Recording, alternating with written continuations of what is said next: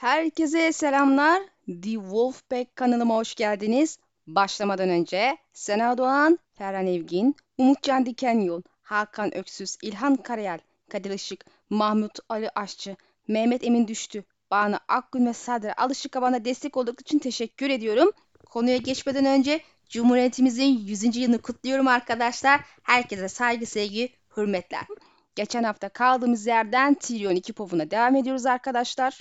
Cücemizin geçmişiyle ve kendisiyle yüzleşmesi, şeyi ve ilk savaşını anımsaması ve Yunkailerin Tywin'in Yeşil Çatal'da benzer bir tuzak kurma ihtimalinden bahsetmiştik. Şimdi ise Tyrion ve Benny arasındaki konuşmaya devam ediyoruz.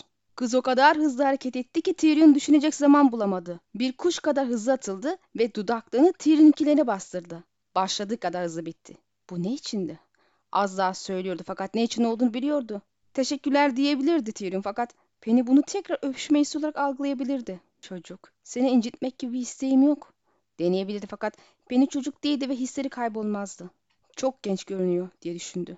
Bir kız, hepsi bu. Bir kız. Cüce olduğunu düşünmezsen güzel sayılabilir. Saçları kahverengin açık bir tonuydu. Kalın ve kıvırcık. Gözleri büyüktü ve güvenilirdi. Çok güvenilir. Penny'nin aniden öpücüklere boğması şüpheli bir durum hatırlayan bilir. Gemideki ilk dönemlerinde de bir anda öpmüş ama öpücüklerde dikkat ederseniz arzu, tutku ve benzeri bir şey yok. Yani olası bir romantik geliştidir diyeceğim ama Tyrion abisinin ölümünden sorumlu en azından onun gözünde. Bu sebeple onu öldürmek istedi ve şu azatlı köle kadınla bir gece kaldıktan sonra Tyrion ve Jorah'ın peşine takıldı. Bir sebep göremiyoruz. Romantik ister içinde bir şey göremiyorum. Zaten öpücükler kuru, tutkudan uzak ve bir anda olup bitiyor. Beni sanki Tyrion'un güveni kazanmak üzere yapabilirse duygularını. Ve öpücükler nasıl yapacağını bilmediği baştan çıkarma hareketli olarak acemice. Penny'nin gözlerini çok güvenilir görmesi dikkate değer. İngilizce'de kullanılan to eki olumsuz sayılabilecek bir fazla kelimesini ifade eder. Bu sebeple Tyrion inanması zor ve güvenilik hissi veriyor tarzında bir şey demiş gibi yorumlayabiliriz. Belki de bilinçaltı onu uyarıyordur. Önceki videodan da hatırlayacağınız gibi Tyrion için şey, Tasha ve Sansa gibi saf, korunmaya muhtaç, güvenilir genç kızlar kategorisine girdik Penny. Bir diğer kısım da aslında bir cüce olduğunu düşünmezsen güzel sayılır demesi. Yani kafası haddinden büyük, burnu olmayan, kısacası bir cüce için bile çirkin olan Tyrion için Penny'e bakışı oldukça önyargılı ve had bilmezce. Siz öyle düşünmüyor musunuz? Sanırım Tyrion'un cüce kadınları olan tavrı gene kendisine gösteren tavırdan kaynaklı olabilir. Nasıl ki Tywin için Tyrion'a bakınca kendi ahlaksız tarafını görüyor ve buna katlanamıyor yorumları yapıyor okuyucular. Tyrion da cücelere bakınca kendi gerçekliğini hatırlamak zorunda kalıyor ve bundan nefret ediyor. Bu sebeple muhtemelen çoğunlukla unutmaya çabalıyor, uzun kadınlara ilgi duyuyor. Tüm o travmalara ek olarak. Sesi duydun mu dedi Tyrion. Kız bir an için dinledi. O nedir? diye sordu bir çift uyumsuz baldır zırhını Tyrion'un bodur bacaklarına bağlarken. Savaş. Bizim tarafımızda ya da en fazla birkaç fers uzakta. Bu katlayan peni. O adamlar bağırsakları dışarıda sallanırken yere düşüyorlar. Kopmuş uzuvlar, kırılmış kemikler ve havuzlar dolusu kan. Sağanak yağmurdan sonra solucanların niçin yüzeye çıktığını biliyor musun? Aynı şeyi yere yeterince kan aktığında da yaptıklarını duydum. Yabancı geliyor Penny. Kara keçi, soluk çocuk, çok güzlü. Hangisini söylemek istiyorsan onu söyle. Bu ölüm. Tyrion cüce kızımızın fazla masum ve dünya bilmez olduğunu düşünüyor ki onun gözünü açacağım diye biraz korkutmaya çabalıyor. Aslında savaştan bahsetmişti ama bu sefer biraz daha şiirsel havaya soktu. Buna ek olarak ölüm ile olarak ifade edilenlerin isimini sayıyor. Kara keçi, soluk çocuk ve çok yüzlü. Hepsi aynı kişi. De Martin eski romanlarında kullandığı şeyleri Astrolog'da da kullanabiliyor. İşte bu bakkal olarak da bilinen soluk çocuk daha önceki yazdığı iki kitapta da vardı. Laren Dor'un Yalnız şarkısı ve Yedi kez bir adamı öldürmeye yetmez. Bu son dediğim son roman Türkçe'ye çeviride ilgilenen varsa okuyabilir. Daha önce de ana serimizde bir kere bahsedilmişti ve şimdi bir kere daha bahsedildiği gibi Euron da Eurovision'da kendisini gördük bu soluk çocuğu. Beni korkutuyorsun. Öyle mi? Bu iyi, korkmalısın. Uğraşmamız gereken demir doğumlar ve karaya çıkıyorlar. Ve tabii ki Sir Barristan melekesizleri. Onlar da şehirden dışarı çıkıyorlar. Aralarında biz varız. Çok yanlış yerde savaşıyoruz. Ben de korkuyorum Penny. Bunları söylüyorsun ama hala dalga geçiyorsun. Alay etmek korku uzak tutmanın yollarından biri. Bir başkası ise şarap. Tyrion'un yanlış tarafta oğlun düşmesi doğaldır. Neticede karşısında demir doğumlar var ve Selmy'nin komutasında lekesizler. Daha da önemlisi 3 ejderhası olan bir kraliçe var her ne kadar ortalıkta görünmese de. Tyrion hesap yapmada iyidir bilirsiniz. Hesabına göre kaybeden taraftaydı çünkü ejderhanın karşısı olmak akıllı işi değil. Daha önemlisi Westeros planları için karşı tarafta olması gerekiyor. Onların düşmanı değil. Tyrion ve Jaime'nin korktuğu ya utandığı veya çok rahatsız hissettiği sıkıntılı durumları kafalarından uzaklaştırmak için olayları alaya aldığı bir gerçek. İçmek ise ikisinin de yaptığı bir şey değildi savaş öncesi ama Tyrion için artık öyle gözüküyor. Tekrar ediyorum bir ihtimal alkolik olma yolunda ilerliyor olabilir ablası gibi. Cesursun. Küçük insanlar cesur olabilirler. Benim Lannister devim dediğini duydu. Benimle dalga geçiyor. Neredeyse yine tokatlıyordu onu. Yüzü kayboldu. Seni sinirlendirmek istememiştim beni. Affet beni. Sadece korkuyorum hepsi bu. Tyrion'un eline dokundu. Tyrion sertçe uzaklaştı. Korkuyorum. Bu şeyin söylediği kelimeydi. Gözleri yumurtalar kadar büyüktü ve her parçasını içime çektim. Onun ne olduğunu biliyordum. Bruno benim için bir kadın bulmasını söyledi ve bana şeyi getirdi. Elleri yumruk şeklinde aldı. Şeyin sırtıdan silüeti gözünün önünden geçti. Boynu zincire sıktı. Kelebek kadar bir güçle çırpınırken altın eller vücudunun derinliklerine doğru giriyordu. Elinde bir zincir olsaydı, bir arbaleti olsaydı, bir hançer, herhangi bir şey olsaydı. Bu alıntı baştan aşağı şeye travmasının su üstüne çıkışı ve daha önemlisi Penny'nin sözlerinin ve tavrının bunu nasıl tetiklediğini görüyorsunuz. Yeşil Çatal Savaşı'nda da korkuyorum demişti ve ona ilk kez dev diye seslenmişti orada. Bunlar hep böyle paralel işlerini unutmayın. Şey de savaş öncesi zırhını giydiriyordu Tyrion'a. Şey ve Penny Tyrion'un zihninde tamamen bir oldu. Belki de bu yazlardan bir uyarıdır. Gerçi biraz fazla açık bir uyarı gibi ama olsun. İkisinin de gözleri büyük, ikisi de oyuncu ve ikisi de ona zırhını giydiren korkmuş, masum görünüşlü, korunmaya muhtaç kızlar. Şeyh'in ihaneti Tyrion'a ağır geldi ama hepsi gene dönüp dolanıyor. Taşya'nın ihanetiyle bağlantı hale geliyor. Tabi kız aslında zaniye değildi ve ihanet etmemişti. Ama yıllarca buna inandığı için bu travmaya uygun olarak hep zaniyelerle düşüp kalkıyordu ve sonunda şeye takıldı. Tabi Taşya meselesinin bir tekrarı gibi olmuş oldu ama bu sefer gerçekten ihanet uğradı. Bu tür masum görünüşlü kadınlara gönlünü açmaya eğilim olduğu için Tyrion çok savunmasız ve böyle ihanetlere karşı ayakta durmakta zorlanıyor diyebiliriz. Şey olayını hatırlamak onda öyle bir nefret uyandırdı ki karşısında onu gördü ve elinde uygun aletler olsaydı tekrar öldürecekti. Yani Penny ona şey gibi gözüktü. Kız şansı sanırım ölebilirdi. Tyrion'un kendini kaybetmesi aslında oldukça ilginç çünkü daha önce bu şekilde kaybettiğini görmemiştik savaşları saymazsak. Bu sırada Tyrion bağırışları duydu. Karanlık öfkesinin içine kaybolmuştu. Anılar denizinde boğuluyordu fakat bağırışlar onu dünyaya geri getirdi. Ellerini açtı, bir nefes aldı. Penny'e sırtını döndü. Bir şeyler oluyor. Ne olduğuna bakmak için dışarı çıktı. Ejderhalar. Yeşil canavar körfezin üstünde daire çiziyordu. Aşağısında gemiler yanıp ve çarpışıp paramparça olurken hala havada uçup manevralar yapıyordu. Parada askerler aptal aptal beyaz ejderha izliyorlardı. 300 metre uzaklıkta adi kız kardeş kolunu savurdu ve 6 tane taze ceset gökyüzüne dans etmeye başladı. Yükseğe ve daha yükseğe çıktılar. Sonra iki tanesi alev aldı. Cesetlerden biri düşmeye başladığı sırada ejderha onu yakaladı. Dişlerin arasından solgun ateşler çıkarırken cesedi çiğnemeye başladı. Sabah havasına karşı beyaz kanatlarını çırptı ve tekrar yükselişe geçti. İkinci ceset uzanmış pençeye çarptı ve inişe geçti. Birkaç yunka ile binicin arasına düştü. Bazıları alev aldı. Bir at şahlandı ve sahibini üstünden attı. Diğerleri kaçıştılar. Ateşlerden kaçmaya çalışırken ateşi daha da kuvvetlendirdiler. Tyrion'dan kampta panik havasının yayıldığını hissetti.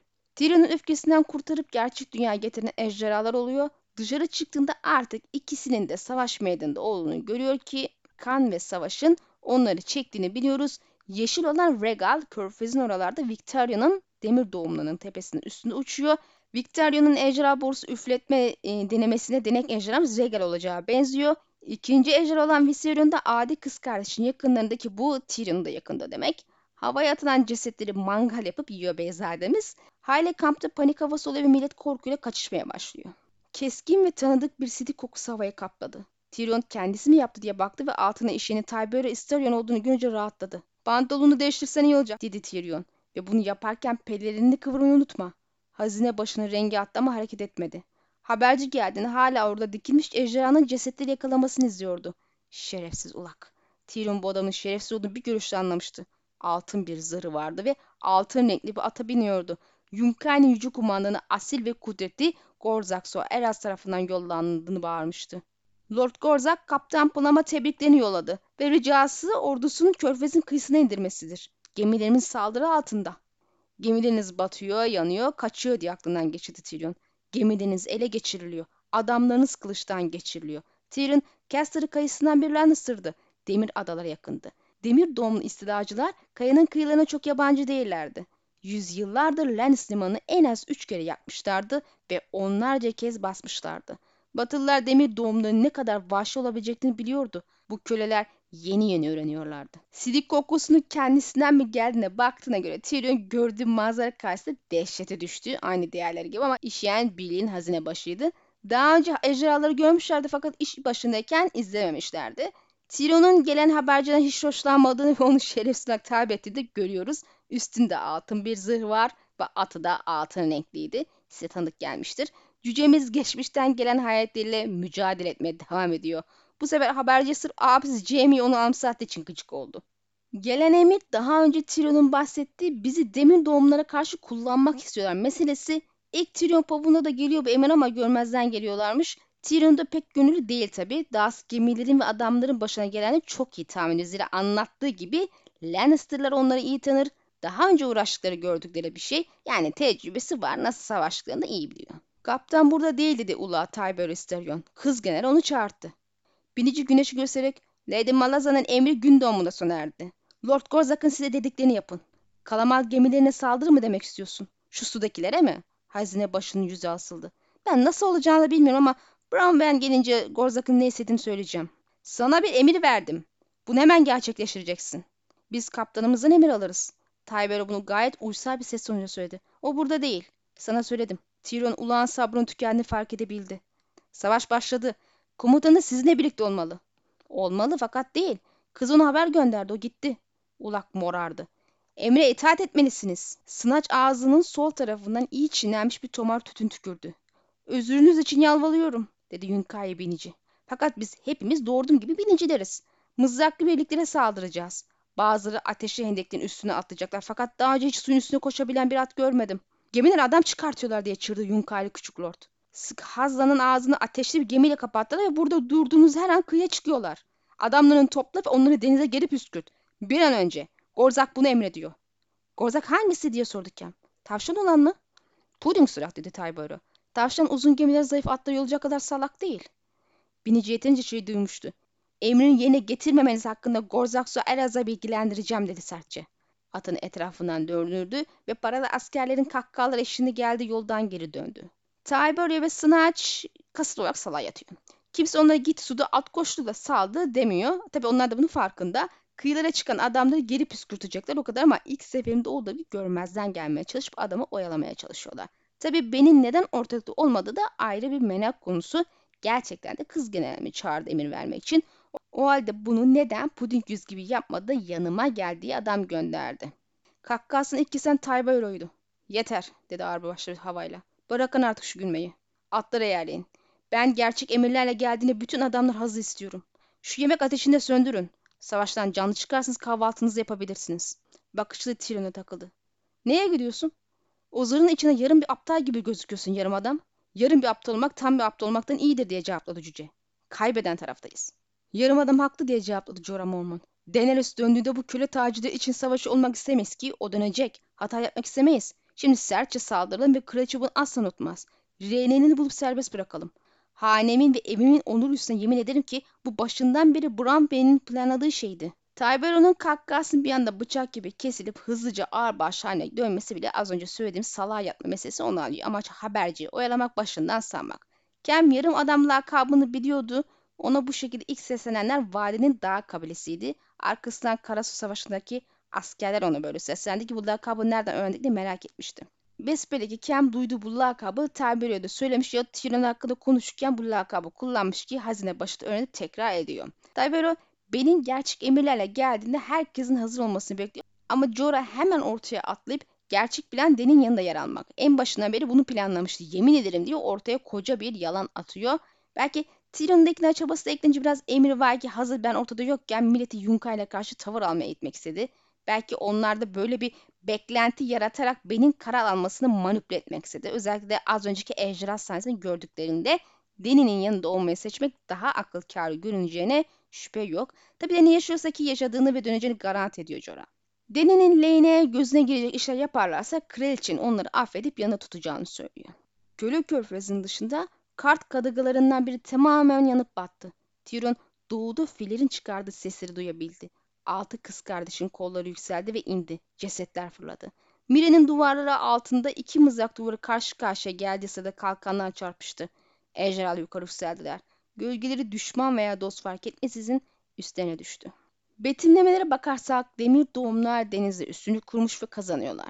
Çarpışan kalkanların sesinden de anlayacağınız üzere lekesizler kalkan duvarlarını örmeye başarmışlar ve düşmanla vuruşuyorlar. Ejderhalar ise dost veya düşman ayırt etmesizin lafı onların iki taraf içinde aslında eşit derecede tehdit içerdiğini gösteriyor. Batı tarafında her şey denileyine gözükse de doğu tarafında olan bitenlerden emin değiliz. Fillerin sesini duyuyoruz. Demek ki filler doğu tarafındaymış. Yunkai'nin ana ordusunun şehrin doğusunda ve orada neler olduğunu pek bilemiyoruz. Tybur elini havaya kaldırdı. Kitapları aldım. Altınlarımızı korudum. Anlaşmalarımızı ayarladım. Ücretlerimizi topladım. Yeterince yemek almaya yetecek paramız olduğundan emin oldum. Kim için ve ne zaman dövüşeceğimize karar vermedim. Bu Brown Ben'in söyleyebileceği bir şey. O döndüğünde bunu onunla kararlaştıracağız.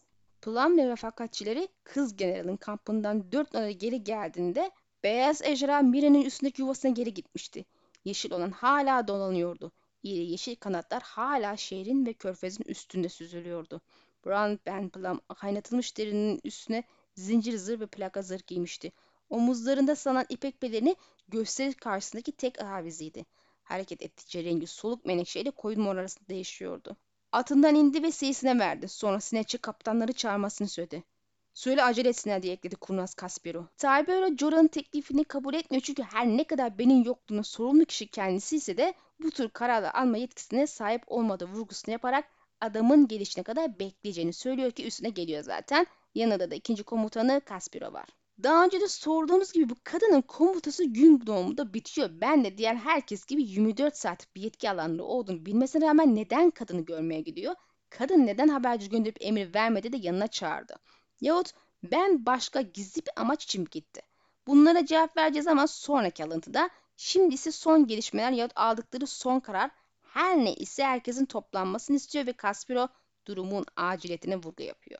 Ejderhala dönersek Viserion anlaşılan ölülerle karnını yeterince doyurduğu için yuvasına geri dönüyor fakat Regal hala tepede süzülüyor ki avına saldırmak isteyen bir yırtıcı kuş misali fırsat kolluyor. O da aç. Daha öncesinde Preston ejderhaların beslenme alışkanlığına vurgu yapmıştı. Ölü hayvanlarla beslendikleri için yaşayanlara saldırmak yerine ölü bedenlere gidiyor şeklinde yani alıştığı için buna e, nispeten haklı olabilir. Hayvanların kendi beslenme alışkanlıkları olabilir. Viserion ölüleri yeme tercih eden bir çeşit leşçiyken Regal ölülerle beslenme niyeti değil gibi gözüküyor. Belki de ağzın tadına uygun bir şey yahut birilerinin peşinde olabilir. Quentin'i yakmasından anlayacağımız üzere kanımca yaşayan kurbanlar bulup yakıp yemeyi tercih ediyor gibi. Tabi neden gemiler üstüne uçuşuyor da neden karadaki yaşayanlara saldırmıyor bilmiyorum. Preston Victoria'nın geminin domuz falan da var demişti. Onun kokusunu aldıysa işte peşinde olabileceğini düşünüyor da köpek mi bu kokusunu alsın diye merak ettim. Tamam hani koku duyusu tabii ki de var da yani bir köpek gibi böyle aa domuz varmış oraya gideyim onu yakalayayım diyeceğini zannetmiyorum ben. Ama tabii belli de olmaz belki haklıdır. Netice olarak oralarda uçması daha evvel söylediğim gibi ejderha borsu denemesi için denek ejderha olacağını gösteriyor gibi. Tyrion kıdemli değil ama Bronn Ben ile oynadığı Sayveş oyunları onu çadırının tanınan bir şahsiyet haline getirmişti. Caspero ve Tyburn'un yanı sıra Uğulan ve Bokkokola da çağrılan arasındaydı. Cüce Jorah Mormont'u da orada gördüğüne şaşırmıştı. Ade kız kardeşini korumakla görevlendik diye bilgilendi Bronn Ben. Diğer adamlar huzursuz bakışlar attılar.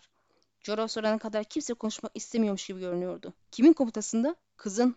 Sir Büyük Baba Harry'dan için savaşıyor fakat kız Barista'nın sıradaki hedefin adi kız kardeş olmasından korkuyor. Hayalet çoktan çökertildi. Marsal'e nazet edilmiş köyleri uzun mızrakı çürük bir sopaymış gibi kırdılar ve zincirleri takıp sürüklediler. Kız Selmin'in bütün mancılığı yıkmak istediğini söyledi. Ben de olsam aynısını yapardım dedi Sir ama daha çabuk yapardım. Kız neden emir vermeye devam ediyor dedi Tybura şaşkın şaşkın. Gün doğumu geldi ve geçti. Güneşi görmüyor mu? Hala iyice bir kumandanmış gibi davranmaya devam ediyor. Eğer kızın yerinde olsaydın ve puding suratın kumandanlığı üstlenmek üzere olduğunu bilseydin sen de emirleri vermeye devam ederdin dedi Mormont. Adi kız kardeş arbetçilerle savunur. Akreplerle, mancılıklarla. Asıl onlara ihtiyaç var. Sabit bir noktayı savunmak için atlı askerler kullanılmaz. Kız bizi oraya atsız göndermek mi istiyor? O halde neden mızrakçı ve sapancıları kullanmıyor? Tyrion Ben'el olan sıkı fakılığını ve tabiri caizse onun çadırının devamlı bir sakin olması dolayısıyla içeri girdi. Bu sebeple onu kimse kınamadı ya da gamadı. Lakin Jorah'ın içeri girmesini şaşırdı. Neticede o bir çavuş değil ya Tyrion gibi bir ilişkisi olmadı Bran Ben ile. Her ne kadar evvelden tanıyor olsa da. Jorah'ın az önce söylediği şeye bakarsak Tyrion gibi o da taraf değiştirmesi konusunda Ben ile hayli sohbete girmiş. Bu sebeple bu aşamada Ben'in artık karar verdiğini düşünebiliriz. General kızın yanına gitmesi de belli oldu eğer doğru söylüyorsa. Çok başlığın ana sorunu da çatışmanın kaçınılmaz olmasıdır. Birbirinin komutasını haklı yahut haksız sebeplerle beğenmeyen komutanlar birbirlerine rağmen komutaya devam etmek istiyor gibi görünüyor. Tabi olarak da bu çatırdaya sebep olur. General kız haklı olarak şehir kuşatmasına karşı elindeki en önemli silahlardan biri olan mancılıkları korumak istiyor. Yani bunlar böyle 5-6 tane cesedi aynı anda atabilecek kadar büyüklükte ve güçte mancılıkta, basit mancılıkta değil belli ki. Korumak istemesi tabii ki doğal. Sermen'in niyetini anladığı en azından öyle düşündüğünden ve puding yüzün dandirik bir komutan olup bunu anlayamadığını düşündüğü için beni çağırıp özel konuşup ikna etmek istemiş gözüküyor. E, demir doğumlarla çarpışmaya gönül olmadığı düşünülürse de kadın ile görüşme tercih etmesi doğal geliyor. Elbette sanırım Taybero bunu diyen mancıkları korumak için atlığın işlevsiz olduğunu vurguluyor ve yanlış kişiyle seçtiğini neden mızrakçı ve sapancıları kullanmadığını merak ederek bu emrin de çok dandirik olduğunu aslında ifade ediyor. Neticede ben ilk emir gibi ikinci emirde beğenmediği için bir sonraki adımlarına karar vermek için adamlarını, çavuşlarını, kıdemlerini topluya çadırına muhtemelen son olaylar ve bu anlamsız emirler benim fikrini değiştirmesi gerektiği konusu ona işaret oldu. Hale olan biten konuşma ve bilgilendirme tamamen adamlarına taraf değişim için haklı bir sebep vermesine ibaret gibi gözüküyor bence. Selmy Harridan'ı indirmeye niyetlenmişti fakat Harpy'ye hücum ettiğini biliyoruz ikinci povunda. O da Tyrion bir gibi yayımlanmadı açıkça. Özel bir kitleye okundu. Eğer arka planda hızlıca Harridan'ı indirmediyse benim aktardığı yanlış bir bilgi. Missandei'nin yaşayan tek abisi olan Marcelen ve onun eğittiği azatlı kölelesi sayılana kadar bilmiyoruz. Mancılığı kolayca haklamış görünüyor ama en önemlisi 800 kişilik uzun mızrak isimli kiralık birliği darma duman etmiş. Azatlı kölenin bir lekesi tarafından eğitildiğini bilsem de 800 kişilik hayatları boyunca savaşmış atlı bir birliğe karşı zafer kazandıkları ihtimali bana biraz garip geliyor. Neticede kısıtlı bir zamanda eğitim aldılar ve hiç deneyimleri de yok. Uzun mızrak bir ihtimal düşmanını azatlı köle işte ya diyerek küçük gördüyse, disiplinli de şekilde hareket ediyse karşı taraf mancunu yok edecek şekilde yarıp geçmişlerdi birliği belki diye düşünüyorum. Tabi yanlış aktarılmış bir bilgi olabileceğini düşünmek gerekir. Lakin iki haberde doğru ise adi kız kardeş bir sonraki hedef ve hem Marcelen hem de Selmin arasında tost olacaklar. Haliyle durumun neden acil olduğunu anlamışsınızdır. En azından görüntüde tabii ki. Çünkü dediğim gibi bilgiler gerçek mi, ben doğru mu aktarıyor, plan mı yapıyor, yalan mı söylüyor bilmiyoruz. Tabii şunu da unutmamak gerekir. Preston'ın vurguladı ki mancılıklar ölü beden fırlattıkları düşünüldüğünde şu aşamada çok da büyük tehdit değiller. Selmi'nin ana amacı da zaten haritanı indirdikten sonra Yunkay soylunun peşine düşmekti. Diğer mancılıkları indirmek değil ki Harridan'ın saldırısını iptal edip Harpi'ye yönelmişti. Harridan'ı koruyan Hırpani Prensi hala oraya yönelmesine gerek kalmadı birazdan anlatacağım sebeplerle. Elbet insan şunu sorabilir. Duvarları yıkmak için taş ve benzer şeyler fırlatmak varken neden ceset? Öncelikle bunların hastalıkta olması halinde içeriye veba yağması durumu var ki gerçekten de Miran sokaklarında veba söz konusu. Aslında biliyoruz ki tüm kampta kanlı ise vebası yaygın. Diğer olay, asıl olay ise psikolojik harp. Karşısındaki halkın düşmanın moralini bozuyor. Muhtemelen içerideki soylularla anlaşmalı haldeler. Şehre zarar vermeden işi çözmeye çalışıyorlar. Yahut işte onları da içeriden denin adamlarına karşı harekete geçirmeye teşvik etmek için çabalıyorlar. Kemp sarı kafasını çadırın içine soktu. Rahatsız ettiğim için affedin lordlarım. Başka bir binici geldi. Yücü kumandandan yeni emirler getirdiğini söylüyor. Brown Bentino şöyle baktı sonra omuz silkti. Buraya mı diye sordu Kemp şaşkınlıkla. Burada gibi gözüküyorsan buraya da dedi Plum kızgınlıkta. Başka bir yere giderse beni bulamaz. Kem dışarı çıktı. Döndüğünde yeşil ipekli pelerini ve uyumlu pantolonun Yunkay soylusu için çadırın girişindeki kumaşı tuttu. Adamın yağlı siyah saçı kafasına ufak güler filizlenmiş gibi gösterime çünürülmüş, bükülmüş ve verniklenmişti. Zırhına öyle müstehcen bir oyma yapılmıştı ki Tyrion adamda akrabaymış gibi hissetti. Lekesizler Harpya'nın oğlunun üstüne gidiyorlar dedi. Ulak, kanlı sakal ve iki gizçeri alayı onların karşısında duruyor. Onlar safları tutarken siz de hadımların arkasında durup kıçlarına tekmeye basacaksınız. Hiç zayiat olmayacak. Saldırı Yunkai'nin yüce kumandanı asil ve kudretli Morgar Zozarzi'nin tarafından komuta edilecek. Morgar diye kaşlarını çattı Kaspiro. Hayır bugün Gorzak yönetiyor. Gorzak Soeras hain bir pentosu tarafından öldürüldü. Kendi kendi isimlerine Hırpani Prens denen dönek yaptığı alçaklığı bağırarak ödeyecek. Asil Morgar söz veriyor. Brown Ben sakalını kaşıdı. Rüzgarla savrulanlar taraf mı değiştirdi? Hafiften ilgiliymiş gibi tonla sordu. Ben habercinin içeri girmesini istemeden önce kısa bir an Tyrion'a bakıp omuz silikiyor. Bunun iki sebebi olabilir. İlki Tyrion'un kaçak bir köle olması dolayısıyla burada bulunmasının sıkıntı oluşturması ki birkaç gün boyunca bu sebeple çadırından dışarı çıkmamıştı. İkincisi ise nasıl olsa kararımı verdim. Hamlemi yapacağım gelsin bakalım niyeti olabilir. Tabi bir önceki elçi geldiğinde Tyrion çok dikkatini çekmemişti. Bu seferki bir Yunkai soylusu hani üst seviye bir soylu anladığımız kadarıyla sıradan değil, küçük değil. Toplamda 6 gis birliği var. İki tanesi nerin karşısında, iki tanesi doğusunda ve iki tane de batısında. Oralardan gelen bilgi ne kadar doğru ya ne kadar güncel bilmiyoruz ama genel olarak Selmi'nin batıdaki Yunker ordusuyla kapışını ve düşmanın direndiğini söylemek mümkün. Habercinin getirdiği emir ise lekesizlere arkadan yanaşıp saldıracaksınız ve toz olan Selmi adamları yok olacak. Tahmin edildiğiniz üzere kalkan duvarını öğren lekesizler için en zayıf kısım arkadan yaklaşmak. Bu emri de verenin Morgar olduğunu söylüyor ki onun lakabı Ayyaş Fatih. Tabi bu şaşırtıcı çünkü Puding Surat komutandı. Öğreniyoruz ki Hırpani Prens Selmin olan anlaşmasının gerektiğini yerine getiriyor ve taraf değiştirerek komutanı öldürüyor. Böylece neden Selmin'in Herodon saldırısını iptal ettiğini öğreniyoruz. Bran Ben de bu bilgiye hafiften ilgiliymiş gibi davranıyor. Eğer şüphesi vardıysa bile bu bilgi karşısında muhtemelen kesin kararını vermiştir yahut adamlarını özellikle vurgulamak istemiştir taraf değiştirenlerin olduğunu. Üstüne saçma sapan emirler vesaire eklenince eh karar verildi. Tyrion kıkırdadı. Ve şimdi puding suratın yerine başımıza Ayyaş Fatih geçti. Kafasını içkiden kaldırıp da komuta verebilirse iyidir. Yunka ile adam cüceye baktı. Dilini tut seni küçük haş. Bir anda lafını değiştirdi. Bu küster cüce kaçak bir köle. Yezen Zogogoz'a ait bu. Yanılıyorsun. O benim silah arkadaşım. Özgür bir adam. Ve bir ikinci oğul. Yazanın kölelerine altın tasmalar takılır. Brown Ben en sevimli gülümsesini gösterdi. Küçük zilli altın tasmalar. Hiç zil sesi duyuyor musun?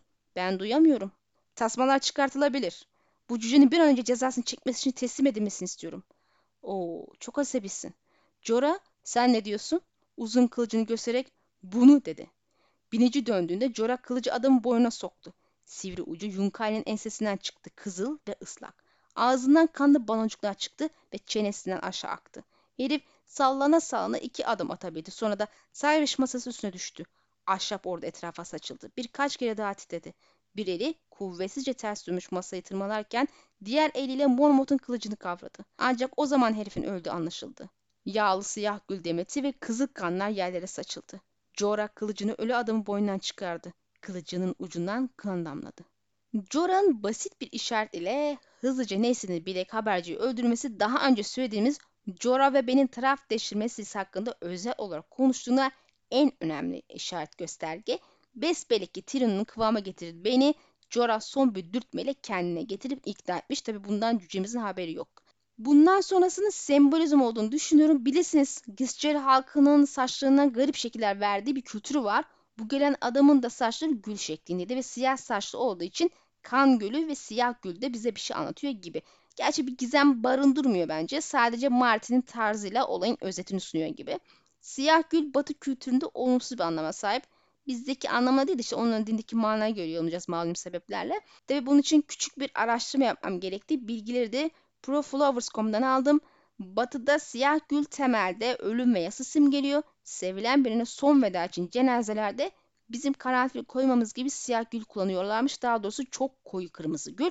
Normal şartlarda Şanlıurfa'nın Halfeti ilçesi dışında bu gülleri doğada bulamazsınız. Batıda da tabii ki doğada var olduğu bilmiyorlar. Haliyle koyu kırmızılar siyah gül noktasını değerlendiriyor. Her neyse yas ve ölüm dışında bir ilişkinin sonlandırılmasını anlatabilir bunlar. Siyah çiçekler anarşist ve isyancı için bir direniş simgesi olarak kullanılmış batıda zaman zaman edebiyat ve televizyonda da şöyle tehlike, intikam ve kötülük, onursuzluk simgesi olarak kullanılmış. Hepsinden ötede, hepsinden öteki bizi ilgilendiren anlamın bu olduğunu düşünüyorum.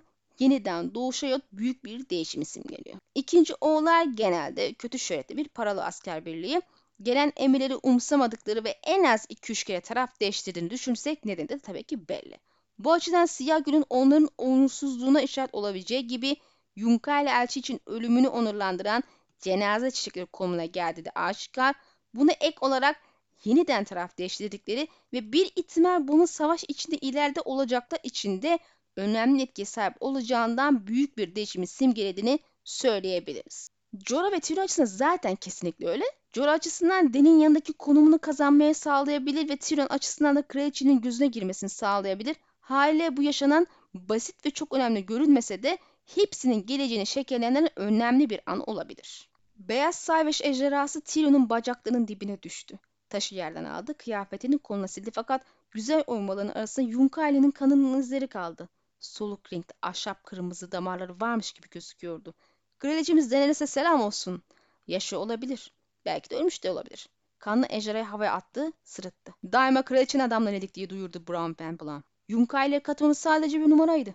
Ve çok zekice bir numaraydı. Tyrion ayağıyla öde adama dokundu. Bu zırh uyarsa benimdir. Jorah'ın söylediği şeyi tekrar etti. Başından beri bunu planladık. Muhtemelen tahminim şu şekilde arkadaşlar. Bran ben içine düştüğü durumun sallantıda olduğunu görünce pişman oldu. Tyrion ve Jorah'ın sözleri kalbini etki etmiş olsa bile. Deni'ye ihanet etmenin bir bedel olacağını biliyordu ya da işte korkuyordur. Ejderha Kraliçesi intikam alacak, onlara asla güvenmeyecekti. Çünkü teknik olarak zaten en başta Yunkai adamıyken ikna olup Deni'nin yanına geçtiler. Buraya kadar tamam ama sonra tekrar taraf değiştirdi ve bu Deni'yi tabii olarak çok öfkelendirdi. E şimdi dönüp de biz tekrar sizin safınıza katılma kararı aldık. Özür dileriz önceki hareketimiz için derse de Deni asla güvenmez ve canlarını okur yani haklı olarak. Haliyle bu da Ben'in karar almasına bir engel olmuş olmalı lakin Jorah anlaşılan şöyle bir öneride bulundu. Eğer en başından beri düşman içine sızma kararı verdim, kendi adamlarımdan bile sakladığım düşmanın güvenini kazandım ki size faydası olsun vesaire tarzında bir fars oyuna girdiği yalanı söylerse ve ikna ederse Deni'nin güveni kazanır ve affeder. Hale ben de Jorah'ın söylediği sözün aynısını ifade ederek planı kabul etmiş görünüyor. Zaten başka da çaresi yok. Buradaki son sembolizm ise kana bulanmış beyaz ejderha yıllardır sırf bu sebeple ilk doğan ejderha olan Viserion aynı şekilde ilk ölen ejderha olacağını tahmin ettim. Aklıma şu an yeni bir şey de geldi aslında. Ben her ne kadar Victoria'nın boru denemesini kurban olarak Regal'ı görsem de acaba tam tersine Viserion olabilir mi? Boru beyaz ejderhanın ölmesine sebep olabilir mi? Öyle olursa Euron elini kana bulamadan Victoria'dan kurtulmuş olur ve Boru'yu neden kardeşe verdiğini anlamış oluruz. Neticede bir şekilde kullanmaya deneyeceğini düşünmüştür diye düşünüyorum ben. Yahut Beyaz Ejderha daha sonraki kitapta ölecek. Tabi Beyaz Ejderha muhtemelen son kitapta ölecekti. Daha erken ölmez diye düşünüyorum ama belli de olmaz. İkinci Trilyon Povu da burada sona eriyor arkadaşlar. İnşallah beğenmişsinizdir. Sizden bir ricam var. Lütfen destek için yorum yazmayı daha fazla kişiye ulaşmak için de video paylaşıp beğenmeyi basmayı unutmayalım. Eğer ki maddi olarak destek vermek isterseniz de katıla basarak aylık abone olabilir ya teşekkür seçeneğiyle tek seferle mahsus katkı sağlayabilirsiniz. Çok teşekkür ediyorum ve bir sonraki videoda görüşmek dileğiyle Allah'a emanet olun.